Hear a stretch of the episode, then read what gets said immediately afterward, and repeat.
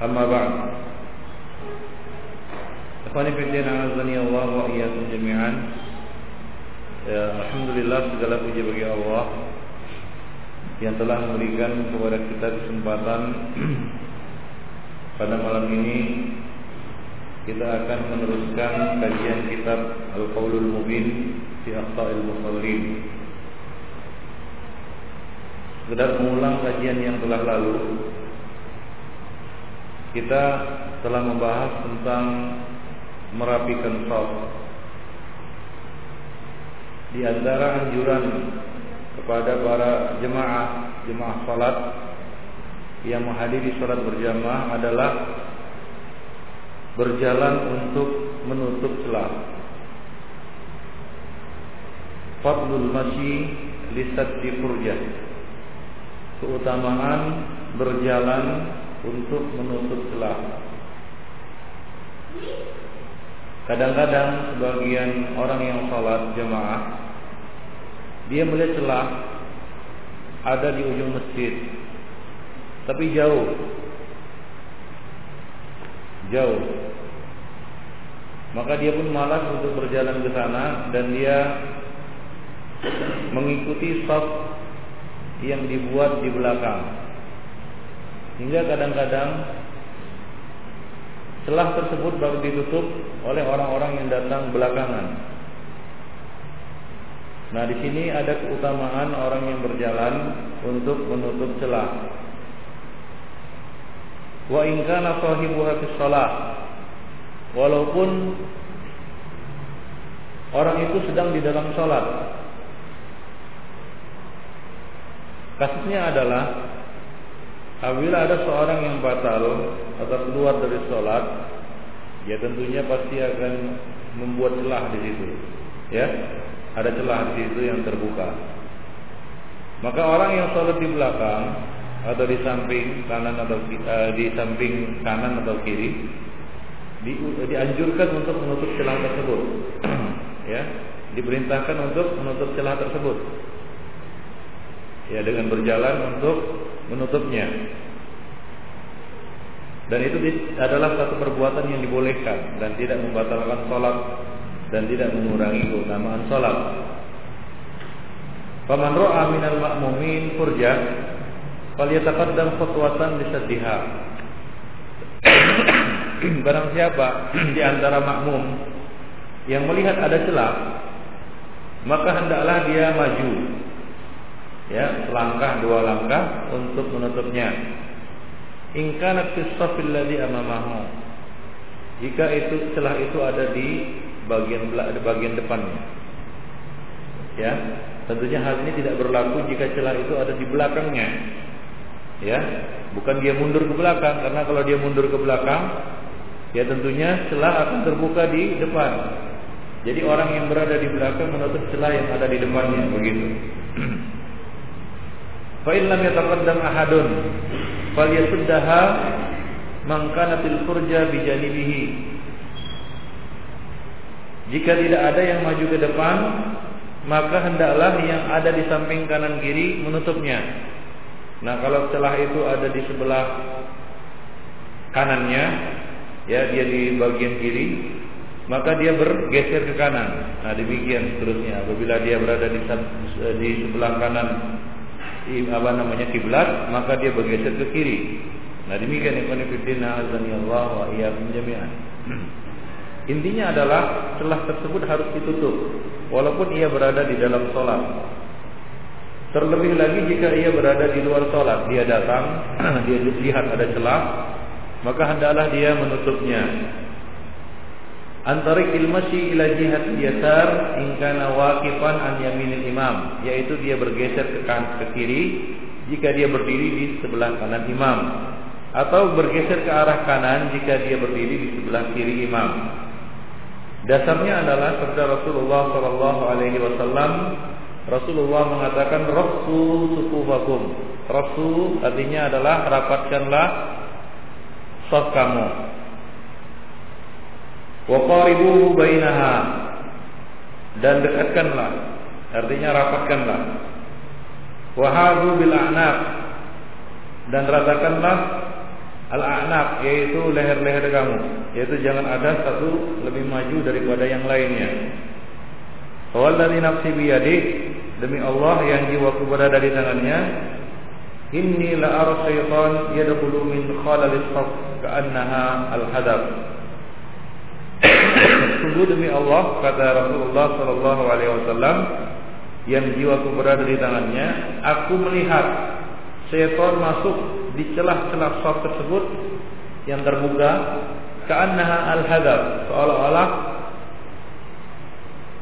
setan itu adalah seekor kambing hitam yang kecil, seekor kambing kecil yang berwarna hitam, yang berkulit hitam. Yaitu anak kambing yang berwarna hitam. Jadi celah-celah yang ada itu akan dimasuki oleh setan dan setan akan menyebarkan gangguannya di tengah-tengah orang yang salat. Maka orang-orang yang salat dianjurkan dan diwajibkan untuk menutup celah-celah tersebut. Jadi ini perkara gaib. Rasulullah Shallallahu Alaihi Wasallam ditampakkan oleh Allah Subhanahu Wa Taala setan yang menyelinap, menyelusup, menyelundup masuk melalui celah-celah orang yang sholat, sosok yang masih terbuka. tujuannya tujuannya tentunya untuk mengganggu orang-orang yang sholat. Ya setan masuk memecah sosok tersebut untuk mengganggu orang-orang yang sholat. Kita tahu bahwasanya ada setan yang khusus tugasnya itu kerjanya itu mengganggu orang-orang yang sholat. Ya, namanya khinzib. Ini setan khusus mengganggu tugasnya mengganggu orang-orang yang sholat.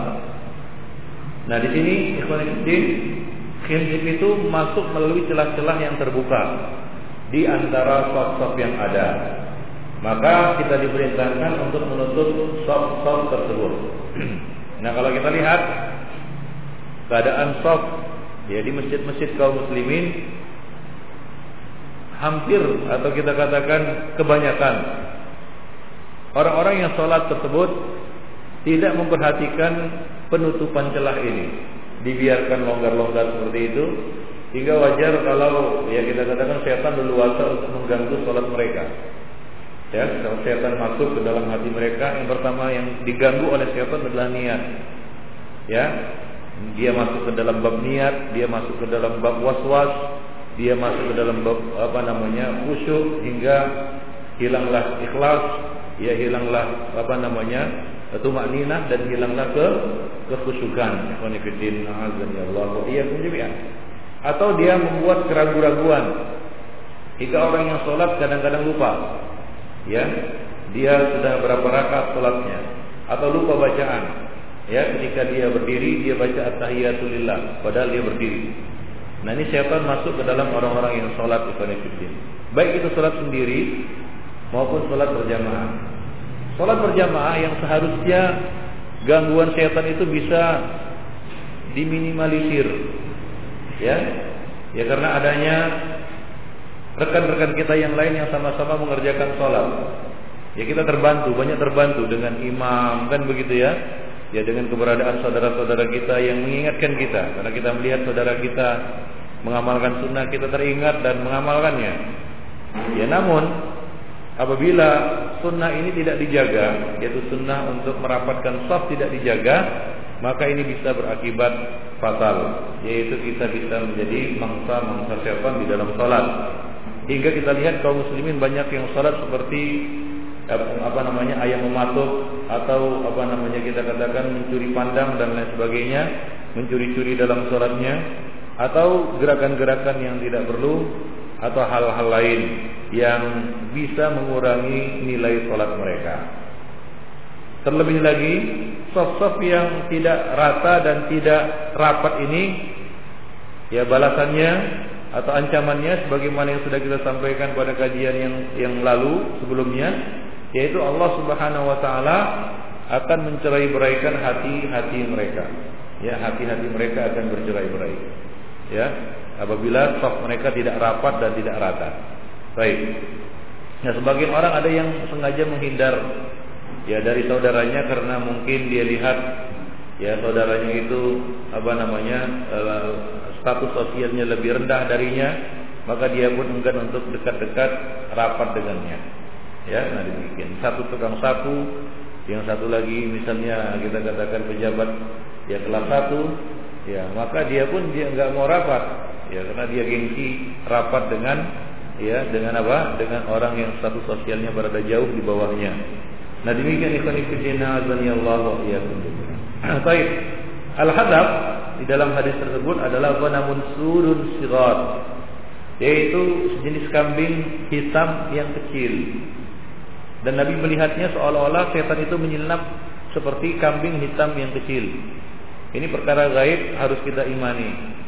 Ya, bagaimana apa namanya wujudnya? Ya Allah alam. Nabi tidak menceritakan detailnya, cuma mengumpamakannya, menyamakannya dengan apa? Dengan kambing hitam yang kecil. Ya. Hadap adalah kambing hitam yang kecil yang berasal dari Hijaz atau Jurasia. Bila adnab wala adan yang tidak ada buntutnya, ekornya dan tidak ada telinganya. Ya biasanya e, kambing itu ada buntutnya, ada telinganya ya, telinganya menjulur ke bawah begitu ya, itu kambing. Nah ini hadap ini adalah kambing yang hitam kecil Kemudian tidak ada telinganya, artinya telinganya terpuntung kecil. Kemudian tidak ada buntutnya atau ekornya. Ya kita bisa bayangkan ini adalah bentuk kambing yang buruk ya, yang tidak baik kan begitu. nah demikian, tidak menarik. Baik, fillah azani Allah wa Demikian pula dalam hadis yang lain Rasulullah Shallallahu alaihi wasallam memberikan tarhib ya bagi orang-orang yang berjalan untuk menutup celah-celah yang ada di dalam sal. Nabi Shallallahu Alaihi Wasallam mengatakan, "Man furjatan barang siapa yang menutup celah satu celah furjatan, rafa'ahu biha darajah." Maka Allah Subhanahu wa taala akan mengangkat derajatnya satu derajat. Wa bana lahu baitan fil jannah dan akan membangunkan baginya sebuah istana di dalam surga. Ya dengan amalan yang sederhana dan ringan ini menutup celah di dalam sholat atau di dalam sholat berjamaah ya di dalam apa namanya di dalam shop itu adalah perkara dan pekerjaan yang mudah. Kita datang ingin mengerjakan sholat berjamaah kita lihat ada celah kita tutup. Maka balasannya adalah Allah Subhanahu wa taala akan menaikkan derajat kita satu derajat. Yang kedua, Allah Subhanahu wa taala akan membangunkan bagi kita sebuah istana di dalam surga. Nah, jadi janganlah kita terluput dari keutamaan ini. Ya, di situ ada ancaman kalau meninggalkannya dan ada e, balasan ya, janji bagi orang-orang yang mengamalkannya. Baik. Kemudian ikhwan fillah azani Allah wa iyyakum jami'an. Perkara selanjutnya adalah Wa min wajibatil imam ayat pada sufuf merupakan kewajiban imam untuk memeriksa saf. Ini kewajiban imam. Di antara kewajiban-kewajiban imam adalah ia pada sufuf. Ayat pada sufuf. Tafaqqud artinya memeriksa. Memeriksa. Tafaqqud artinya ya mencari barang yang hilang. Ya, kalau kita dari kata fakoda artinya hilang. Ya tafakkat artinya mencari barang yang hilang. Kalau kita mencari barang yang hilang, kira-kira bagaimana ketelitian kita? Hah? Teliti kan? Iya. Memeriksa itu banyak. Ada memeriksa, ya sekedar memeriksa, mengecek kembali juga memeriksa kan begitu ya. Nah, ada memeriksa dalam hal dalam rangka untuk mencari barang yang hilang, dia periksa. Nah, itu biasanya teliti. Ya, misalnya kita kehilangan dompet atau kehilangan uang atau kehilangan barang, kita periksa, maka setiap sudut kita kita satroni. Jadi kita periksa, kita teliti baik-baik apakah di sana barang saya itu jatuh dan seterusnya. Artinya, dia akan ekstra apa namanya? perhatian. Ya, ekstra perhatian ya untuk menemukan barangnya itu Nah, di sini uh, dikatakan mi wajibatil imam ayatafaqqada sufuf. Termasuk kewajiban imam adalah memeriksa saf seperti dia memeriksa barang yang hilang. Jangan artinya apa? Jangan sampai ada celah yang ter terbuka. Jangan ada sampai saf yang tidak rata, yang tidak rapat. Nah ini merupakan kewajiban imam. Jadi dia periksa. Rasulullah Shallallahu Alaihi Wasallam sebelum bertakbir maka beliau ya, akan menghadap kepada makmum dan memeriksa kanan dan kiri ya apakah saf sudah benar-benar rapi, rapat dan lurus. Nah demikian barulah beliau bertakbir.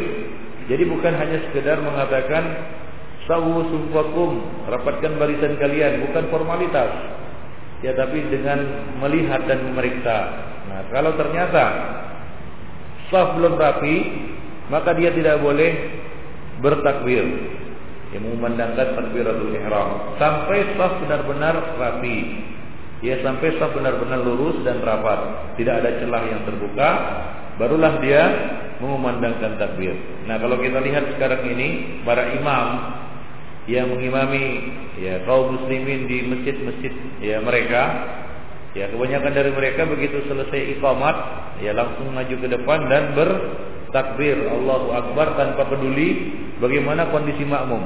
Ya kadang-kadang makmum masih apa namanya berantakan. Ada yang di sana, ada yang di sini, dia sudah takbir Allahu Akbar. Hingga kadang-kadang para makmum ya apa namanya eh, serabutan di dalam menyusun saf mereka dan wajar kalau saf mereka tidak rapi, tidak rapat dan tidak lurus. Demikian, ya. Nah, sebagian ada yang mengatakan sawu sufakum tapi sekedar formalitas. Ya dia dia apa namanya menoleh ke kanan, dia menoleh ke kiri, bariskan, rapatkan barisan, ya tanpa melihat, ya tanpa melihat kondisi sebenarnya, kondisi yang ada di situ. Apakah staf benar-benar rapat, lurus dan rapi atau tidak? Nah ini juga merupakan satu kesalahan. Jadi hendaklah dia memeriksanya dengan benar. Wa ya'muru bisaddil furaj dan hendaklah dia memerintahkan untuk menutup celah-celah yang ada. Dia lihat apakah ada celah. Misalnya bagaimana? Misalnya di sana belum penuh safnya, ya saf pertama belum penuh. Maka dia perintahkan orang yang di belakang mungkin yang sudah membuat saf di belakang untuk maju menutup celah-celah itu. Dirapatkan. Kadang-kadang dengan merapatkan ternyata ada celah. Maka dia perintahkan untuk menutup celah itu. Nah demikian itu. Hatta idza ra'a sufuf istawat kabbara. Nah apabila dia sudah melihat saf itu rata Barulah dia bertakbir Sebagaimana yang dilakukan oleh Rasulullah Sallallahu Alaihi Wasallam. Diriwayatkan dari An-Nu'man ibn Bashir radhiyallahu anhu qal Kana Rasulullah sallallahu alaihi wasallam yusawwi sufufana. Rasulullah sallallahu alaihi wasallam biasanya merapatkan barisan-barisan kami hatta ka'annama yusawwi bihal qidah seolah-olah beliau sedang me menyusun kidah. Kidah itu anak panah, anak panah yang disusun. Anak panah itu kalau tidak teliti dan telaten menyusunnya akan apa namanya? Akan ya nggak karuan ya. Dia harus rapi disusun. Anak panah itu kan seperti ini besarnya ya. Nah, susun. Nah, kalau tidak hati-hati atau tidak teliti, maka bisa bisa kacau balau. Nah, begitulah seolah-olah beliau menyusun anak panah ya benar-benar rapi. Satu persatu di diperhatikan ikhwan fillah azani Allah wa iyyakum jami'an. Hatta ra'a anna qad aqalna hingga beliau memastikan melihat bahwasanya kami sudah melakukan apa yang beliau minta. Yaitu apa? Merapatkan barisan kami. Thumma thumma kharaja yawman faqam. Hatta kana yukabbir. Kemudian pernah terjadi satu peristiwa Satu hari beliau keluar untuk mengimami sholat bagaimana biasa. Fakom. Rasulullah sudah berdiri. Hatta kada yukabir. Hingga beliau nyaris bertakbir. Hampir bertakbir. Fara'a rajulan badiyan sadrahu minas. Tiba-tiba saja beliau melihat ya karena Nabi bisa melihat orang-orang apa namanya para makmum dari belakang beliau ya Nabi mengatakan fa inni arakum min wara'i dhahri. Sesungguhnya aku dapat melihat kalian dari belakang punggungku. Nah ini keutamaan Rasulullah sallallahu alaihi wasallam mukjizat. Bahwasanya Rasulullah di dalam salat bisa melihat apa yang ada di belakang beliau. Artinya Allah Subhanahu wa taala menampakkannya. Bukan beliau punya indera keenam, ya kemudian punya kacap atau punya apa namanya mata di belakang tidak. Ya, tapi beliau diperlihatkan oleh Allah Subhanahu wa taala, beliau melihat bahwa ada salah seorang ya dari dari makmum yang dadanya maju lebih maju ke depan. Artinya apa? Dia lebih maju daripada yang lainnya. Faqal maka Rasulullah Shallallahu alaihi wasallam menunda takbirnya dan berkata, "Ibadallah, wahai hamba-hamba Allah, la tusawwunna sufufakum." Hendaklah kalian ratakan saf-saf kalian Au la Allah baina wujuhikum atau Allah Subhanahu wa taala akan membuat wajah-wajah kalian berselisih. Artinya apa? Hati-hati kalian berselisih.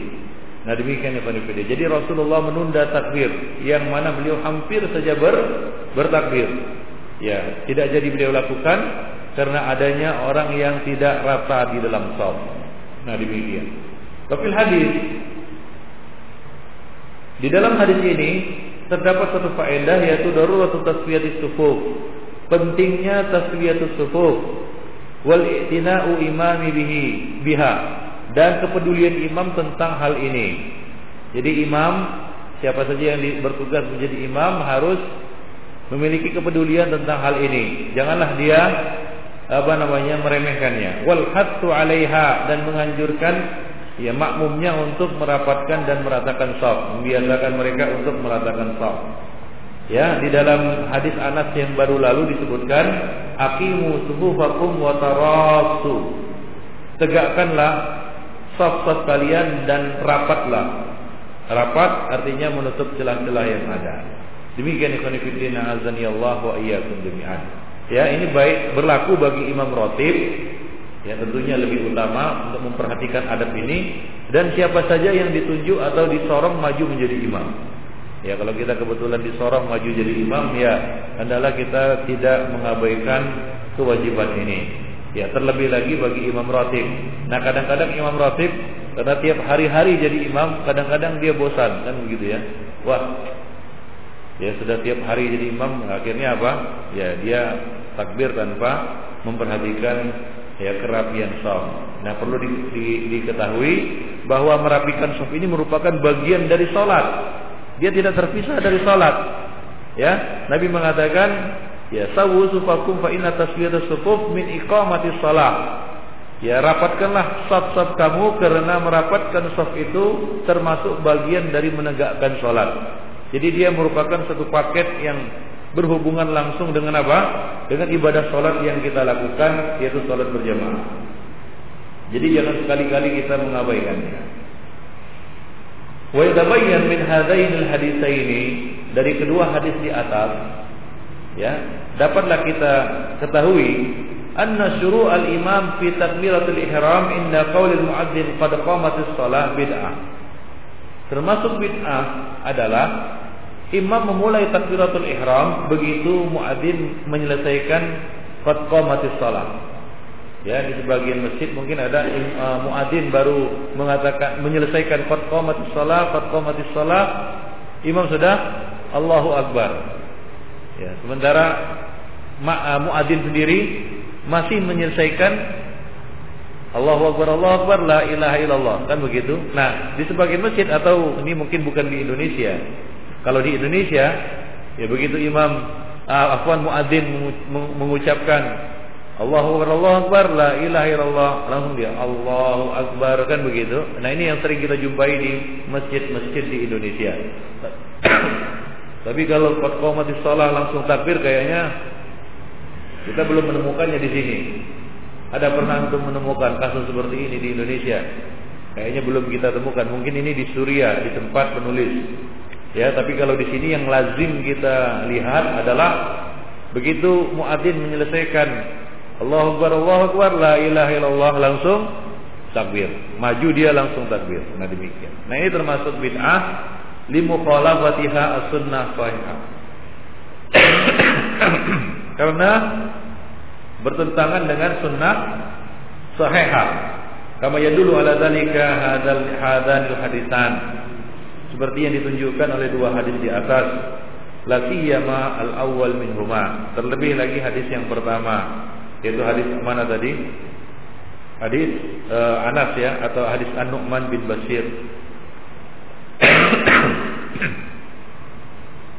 Baik. Fa innahuma yufidani anna 'alal imam ba'da iqamatis shalah wajiban. Yang bagi alaihi al-qiyamu bihi. Bahwa imam memiliki kewajiban setelah muadzin menyelesaikan iqamatnya. Wa huwa amrun nas bitaswiyah yaitu menyuruh manusia untuk atau makmum untuk merapat, merapatkan dan merapikan saf mereka mudzakiran lahum biha dan mengingatkan mereka mengingatkan mereka untuk e, menutup celah dan merapatkan saf fa innahu mas'ulun anhum karena imam adalah mas'ul. Mas'ul artinya yang akan ditanya. Ya adalah imam dan dia mas'ul ya anhum ay an anil ma'mumin atas makmum-makmumnya. Jadi sebenarnya tugas imam itu berat. Dia mas'ul dan Nabi Rasulullah sallallahu alaihi wasallam mengatakan kullukum ra'in wa kullukum mas'ulun mas'ulun an ra'iyatihi. Setiap kalian adalah pemimpin dan setiap kalian akan ditanya, dimintai tanggung jawab, pertanggungjawaban atas apa yang dipimpinnya. Jadi sebenarnya tugas menjadi imam itu berat. Ya termasuk di dalamnya imam imam salat. Nah demikian. Baik, Khonifuddin, azani Allah wa iyyakum Wa minal qusur dan termasuk satu hal yang kurang. Ya, dan termasuk yang kita katakan bentuk apa namanya? pengabaian adalah iktisaru ba'dil a'immah ala qaulihim istawu istawu faqat. Yaitu sebagian imam ada yang cuma mengatakan istau istau atau rapat lurus kan begitu ya tanpa melihat dan memeriksa. Ya, sebagaimana yang kita katakan tadi kata-kata itu cuma sekedar formalitas Tan tanpa dia melihat langsung kondisi makmum. Mungkin sebagian imam beralasan ya nanti akan makan waktu yang lama hingga pelaksanaan sholat menjadi tertunda. Dia lupa bahwasanya merapikan sholat itu bagian dari apa? Dari menegakkan sholat. Ya, berhubungan langsung dengan ibadah sholat. Nah alasannya kalau sibuk merapikan sholat maka pelaksanaan sholat tertunda ini adalah satu hujah dan alasan yang tidak bisa diterima. Nah demikian yang Jadi sebagian imam ada yang hanya mengatakan istawu istawu kemudian takbir. Allahu akbar. Rapat lurus. Kadang-kadang dia menghadap ke kiblat lagi tidak memeriksa kondisi makmum yang ada di belakang. Nah, ini adalah satu kekeliruan. Awil iktifa bi mujarradin nazar ila ru'usi asabi'ir rijlain wa mada qurbiha wa bu'diha atau cukup hanya melihat ujung-ujung jari kaki dekat atau jauh ya tanpa memeriksa bahu atau celah-celah. Jadi ada beberapa hal yang perlu diperhatikan. Yang pertama adalah kerapatannya, harus rapat. Tidak ada celah. Yang kedua adalah lurusnya, tidak ada yang maju dan mundur. Nah ini harus diperiksanya. Semuanya harus diperiksanya. Pertama apakah ada celah? Kalau masih ada celah maka hendaklah dia suruh untuk menutupnya. Yang kedua, apakah ada yang lebih maju atau lebih mundur? Kalau ada berarti belum lurus, maka harus dia luruskan. Baik itu Jadi tidak cukup hanya menyuruhnya menyuruh para makmum untuk menutup celah sementara apa? Tidak tidak lurus atau menyuruhnya lurus tapi masih ada masih ada celah yang terbuka. Jadi ada dua hal yang diperhatikan yaitu merapatkannya, menutup celah dan meluruskannya hingga tidak ada yang lebih maju dan lebih mundur. Demikian ikhwan fillah azani Allah jami'an. Au al-iktifa anil hibal al-mamdudah. Atau sebagian orang atau di sebagian masjid membuat tali atau garis. Ya garis soft ya imam karena merasa sudah ada garis soft maka dia tidak lagi memeriksa barisan. Begitu selesai iqamah dia langsung takbir. Kenapa? Karena sudah ada garis soft nah ini juga termasuk satu kesalahan Ikhwani fiddina azani Allah wa iyyakum jami'an. Baik. Jadi tidak ada hajat sebenarnya ya untuk membuat garis soft itu. Ya tidak ada hajat. Kenapa? Karena Nabi juga bisa melakukannya pada masa beliau. Para sahabat juga bisa melakukannya. Tapi mereka tidak melakukannya. Mereka tidak melakukannya. Demikian juga khulafaul arba'ah dan para sahabat. Ya, tidak ada catatan yang jelas kapan perkara itu mula dilakukan oleh manusia, oleh kaum muslimin, yaitu membuat garis saf di dalam masjid. Garis saf di dalam masjid. Yang itu tidak pernah dilakukan oleh para salaf, para sahabat. Sebagian mengatakan itu masalah mursalah. Ya kita katakan masalah mursalah itu apabila pada masa Nabi masalah itu tidak nampak Baru nampak setelah zaman Nabi. Barulah itu disebut masalah mursalah. Seperti misalnya penulisan mushaf dalam bentuk buku itu itu masuk dalam jenis masalah mursalah. Nah ini maslahatnya ada pada zaman Nabi, tapi tidak dilakukan oleh Nabi. Artinya itu tidaklah perlu dilakukan oleh kaum muslimin karena sudah ada sunnahnya. Bagaimana sunnahnya?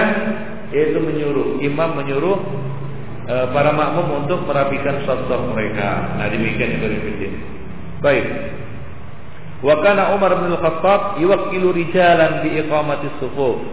Sampai-sampai bagaimana kalau safnya banyak? Lebih dari dua saf, tiga saf, empat saf, lima saf. Yang mana imam tidak mungkin untuk memeriksanya. Ya kita katakan ini juga kejadian, ini juga kasus masalah yang dihadapi oleh para sahabat di antaranya Umar bin Khattab pada masa beliau yaitu Masjid Nabawi sudah diperluas oleh beliau 5 meter 5 meter 5 meter ke belakang.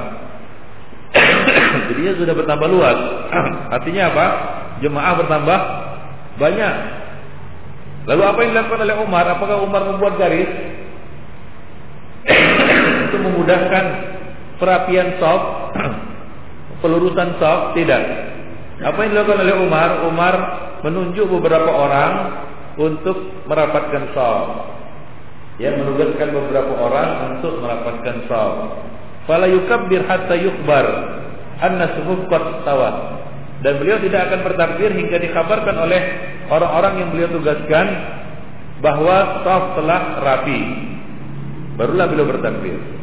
Jadi Umar dalam kondisi seperti itu tidak juga membuat garis.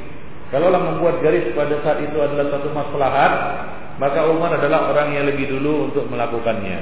Tapi apa yang dilakukan oleh Umar? Umar menunjuk seseorang untuk apa? Untuk merapikan soft atau beberapa orang untuk merapikan soft yang ada di belakang. Mungkin kasusnya sama dengan adan. Bisa saja ekonomi dengan kemajuan yang ada. Sekarang ini adan nggak perlu payah-payah menunjuk muadzin. Kenapa? Karena nazir bisa saja menghidupkan tape yang sudah ada azannya sekarang kan begitu ya. Atau program itu ya di komputer sudah ada azannya. Nah begitu waktu masuk ya hidupkan aja itu. Klik aja klik azan dia. Nggak perlu lagi muadzin. Apakah itu bisa dilakukan? Tentunya tidak bisa. Karena azan adalah satu ibadah yang sudah ditentukan kaifiatnya dan tata cara pelaksanaannya yaitu seseorang berazan mengumandangkan azan dengan suaranya. Bukan suara orang lain. Ya dia ber, berdiri di tempat yang paling tinggi kemudian dia menyuarakan azannya. Karena ada keutamaannya.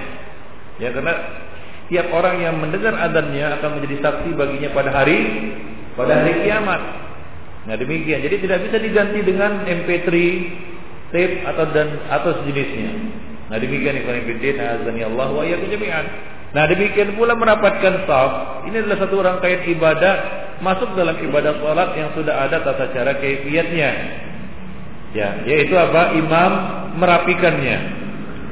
Ya, ini adalah satu keutamaan, satu amalan yang tinggi nilainya.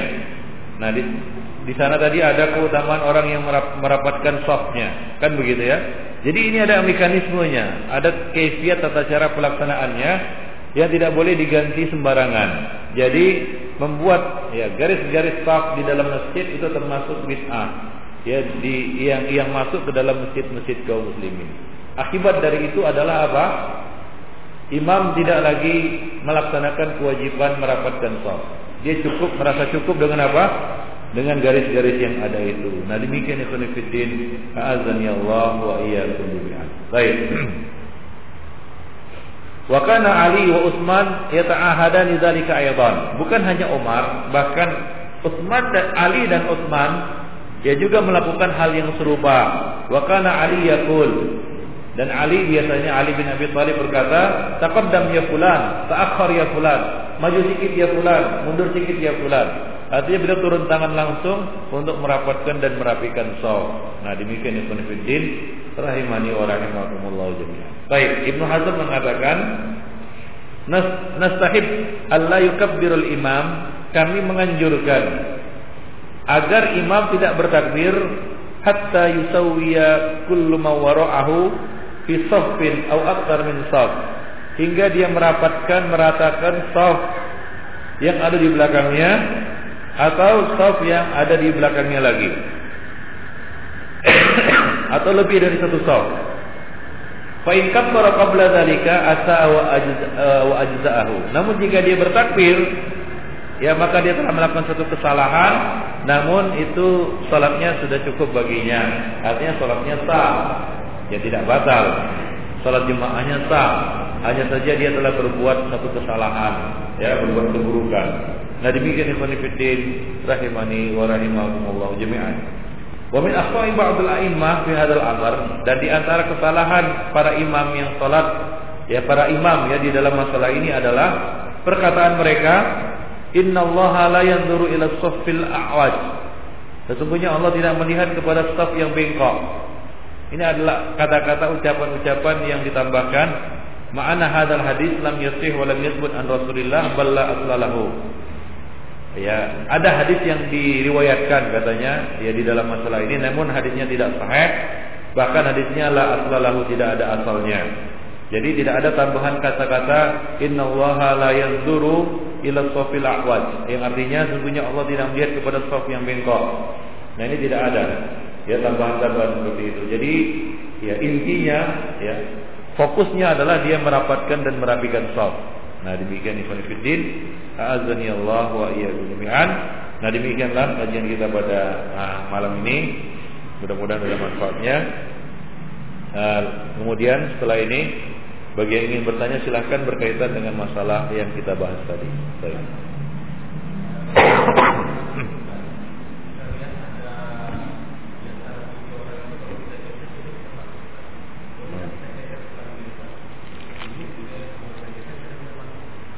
Boleh. Iya. Boleh. Wal, eh, dalam hadis yang lain kan hadis yang sudah lewat, hendaklah seorang itu melembutkan bahunya untuk digeser oleh tangan saudaranya ya, di dalam untuk merapikan saf, untuk merapatkan saf. Ya, jadi janganlah seorang itu marah dia kalau disuruh geser kan begitu ya. Adalah dia menyilakan dan melembutkan bahunya untuk digeser oleh saudaranya. Ada hadisnya. Ya, masalahnya ya masalah yang yang yang yang yang kita dapatkan ya, di masjid-masjid adalah kalau kita melakukan seperti ini, ya kita menjadi apa namanya sasaran kemarahan kan begitu ya. Ya jangankan seperti jangankan seperti itu kita rapat-rapat saja orang marah. Ya merapat-rapat saja orang marah apalagi kita geser-geser dia lalu kita masuk di Nah dia belum mengerti dia ngapain sholat sempit-sempit kan begitu katanya pula. Sementara itu uh, untuk menutup celah. Ya begitulah dia Ikhwanifidin sunnah ini nyaris diabaikan dan ditinggalkan oleh kaum muslimin khususnya di masjid-masjid kaum muslimin. Baik. Jadi kalau misalnya ya ada celah dan bisa kita masuki, hendaklah kita kita geser dan kita minta saudara kita untuk memberikan tempat dan merapatkan saf itu hingga saf itu benar-benar rapat dan lurus. Nah demikian Ibn Fiddin. Azani Allah wa iyyakum. Baik. Mungkin masalahnya bagaimana kalau dengan itu terjadi keributan? Dan bukan tidak mungkin itu terjadi. Ya bukan mustahil itu terjadi kan begitu ya. Apalagi kita lihat top-top yang ada sekarang ini di masjid-masjid kaum muslimin itu satu sajadah satu orang. Nah kita ingin rapatkan dia dan kita ingin masuk di tengah-tengah atau di sampingnya. Terjadi timbul keributan. Mana yang lebih utama bagi kita? Ya tetap melaksanakan itu atau mengalah.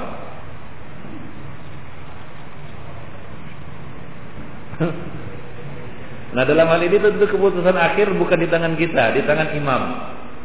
Ya, Nah kalau ribut dia tanyakan sama imam, imam boleh nggak di sini kan begitu ya. Kalau imamnya ngerti sunnah, ya mungkin dia wah bagus. Nah, tapi kalau nggak ngerti sunnah mundur belakang katanya ya sudah. Itu tanggung jawab si si imam. Kita berusaha untuk melakukannya, tapi kalau tidak bisa terhalang, ya atau terjadi keributan, maka lepaslah tanggung jawab kita. Itu tanggung jawab si si imam. Nah demikian. Jadi imam yang memutuskan. Kalau imam tetap menyilakan kita di situ ya kita bertahan di situ. Kalau tidak ya jangan nggak jadi sholat gara-gara itu. Bisa juga bertengkar di situ kan akhirnya nggak sholat.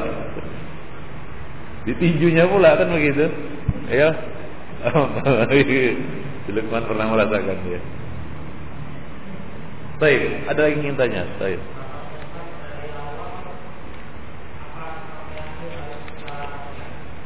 Ya sepanjang sholat Merapatkan itu sepanjang sholat Ya sepanjang sholat Ya dirapatkan lagi Ya dirapatkan lagi Itu kewajiban rapat soft ini sampai akhir sholat Bukan di awal sholat Ya rapat kemudian Ya begitu mau salam sudah pencar-pencar Bukan seperti itu Jadi dari awal sampai akhir Oleh karena itu Walaupun dia dalam sholat Kalau ada celah Dia tutup Walaupun dia di dalam sholat. Artinya apa? Di dalam sholat juga diperintahkan untuk tetap merapatkan soft, menutup celah. Baik.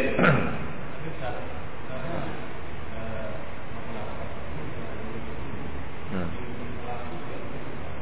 Ah, iya mungkin.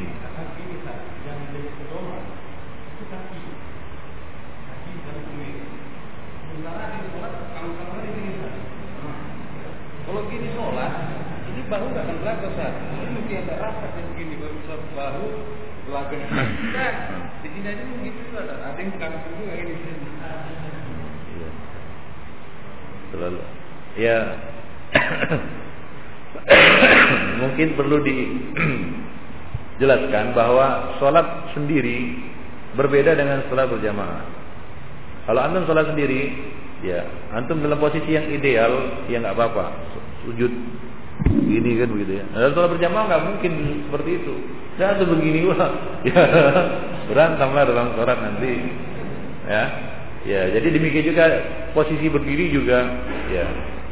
Kalau misalnya di dalam sholat sendiri mungkin bisa, tapi kalau sholat berjamaah, nah kalau imam menyuruh rapat rapat, karena imam melihat masih ada mungkin kemungkinan satu orang untuk maju ke depan hingga diperintahkannya untuk rapat, maka ya kita menyesuaikan dengan kondisi yang ada. Ya jangan terlalu ngangkang sekali kan begitu ya. Hingga kadang-kadang mengambil tempat hingga eh, apa namanya tempat yang bisa diisi dua orang terisi jadi satu satu orang. Nah demikian. Baik.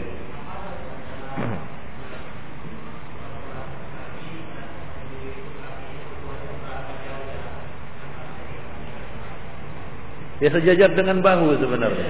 Ya, ya sejajar dengan bahu ya. Sebagian orang ada yang berlebihan ya, berlebihan terlalu ngangkang. Mungkin dia nggak sengaja ya karena dia merasa nyaman seperti itu ya. Ya, kemudian juga eh, apa namanya? Ya sebagian orang eh, ya, kita lihat sujudnya juga terlalu maju kan begitu ya hingga nyaris tertidur nyaris telungkup dia Mungkin dia tidak merasa. Dia ingin meratakan apa namanya e, kakinya kan begitu ya, pahanya, kemudian e, punggungnya. Tapi tanpa dia sadari dia melakukannya berlebihan. Nah kadang-kadang seperti itu. Ya, nah jadi hendaklah ya kadang-kadang kita tidak bisa mengetahuinya, ya, ya karena kita yang melakukannya. Orang lain yang tahu. Nah, wah pulang kamu terlalu ngangkang kan begitu ya. Nah, jadi ya kadang-kadang seperti itu. Ya, kalau kita pakai baju kebesaran mungkin kita sendiri nggak tahu, tapi orang lain yang lihat wah bajumu kebesaran kan begitu ya tahu. Ya melalui orang orang lain nah demikian. Allah a'lam. Ada lagi? Hah? Iya wajar karena kakinya juga panjang kan begitu. Kalau kakinya pendek kan nampak kali. Ya ada yang tanya. Ah ya.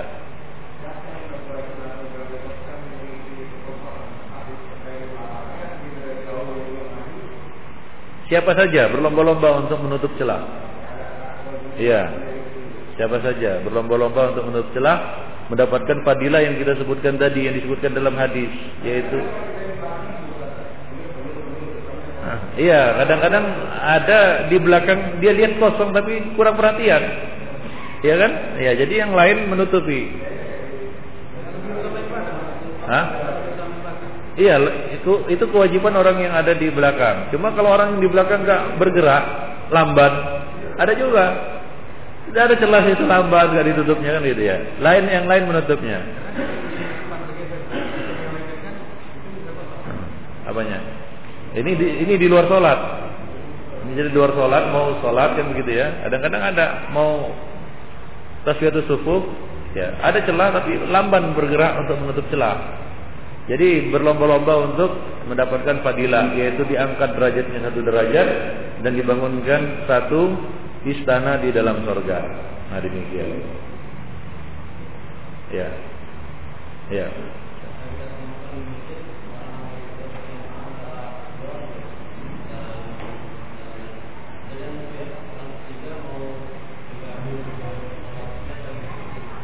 Ya. Ya. Iya. Uh, boleh dilakukan. Ya menarik apa namanya makmum itu ke belakang untuk membuat stop di di belakang. Nah demikian. Atau menyuruh imam maju bisa juga. Antara salah satu di antara keduanya.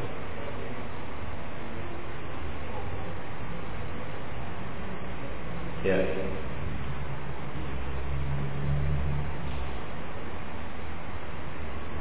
Ah ya Pak.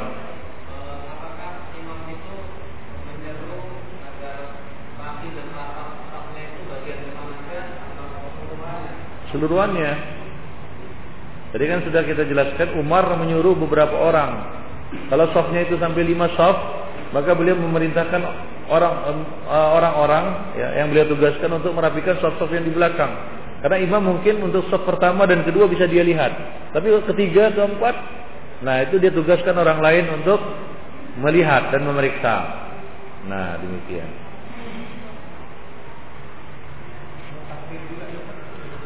Hah? ya dia menyelisihi sunnah ya, dikatakan tadi oleh Ibnu Hazm dia asa'a berbuat salah, keliru, lalai, tapi salatnya sah, jemaahnya ya sah. Nah demikian.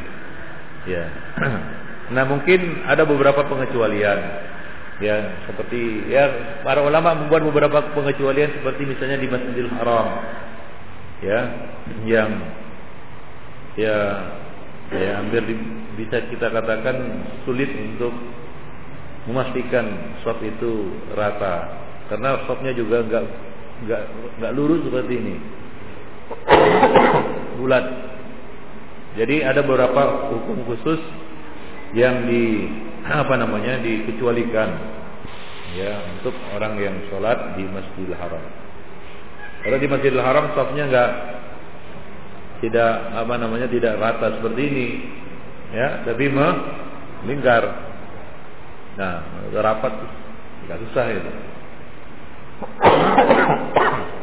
Baik. Ya ada yang tanya lagi? ya.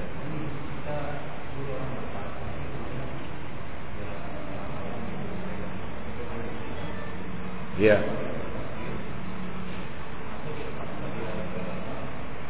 Ya ini juga masalah ya kita maju menjadi imam.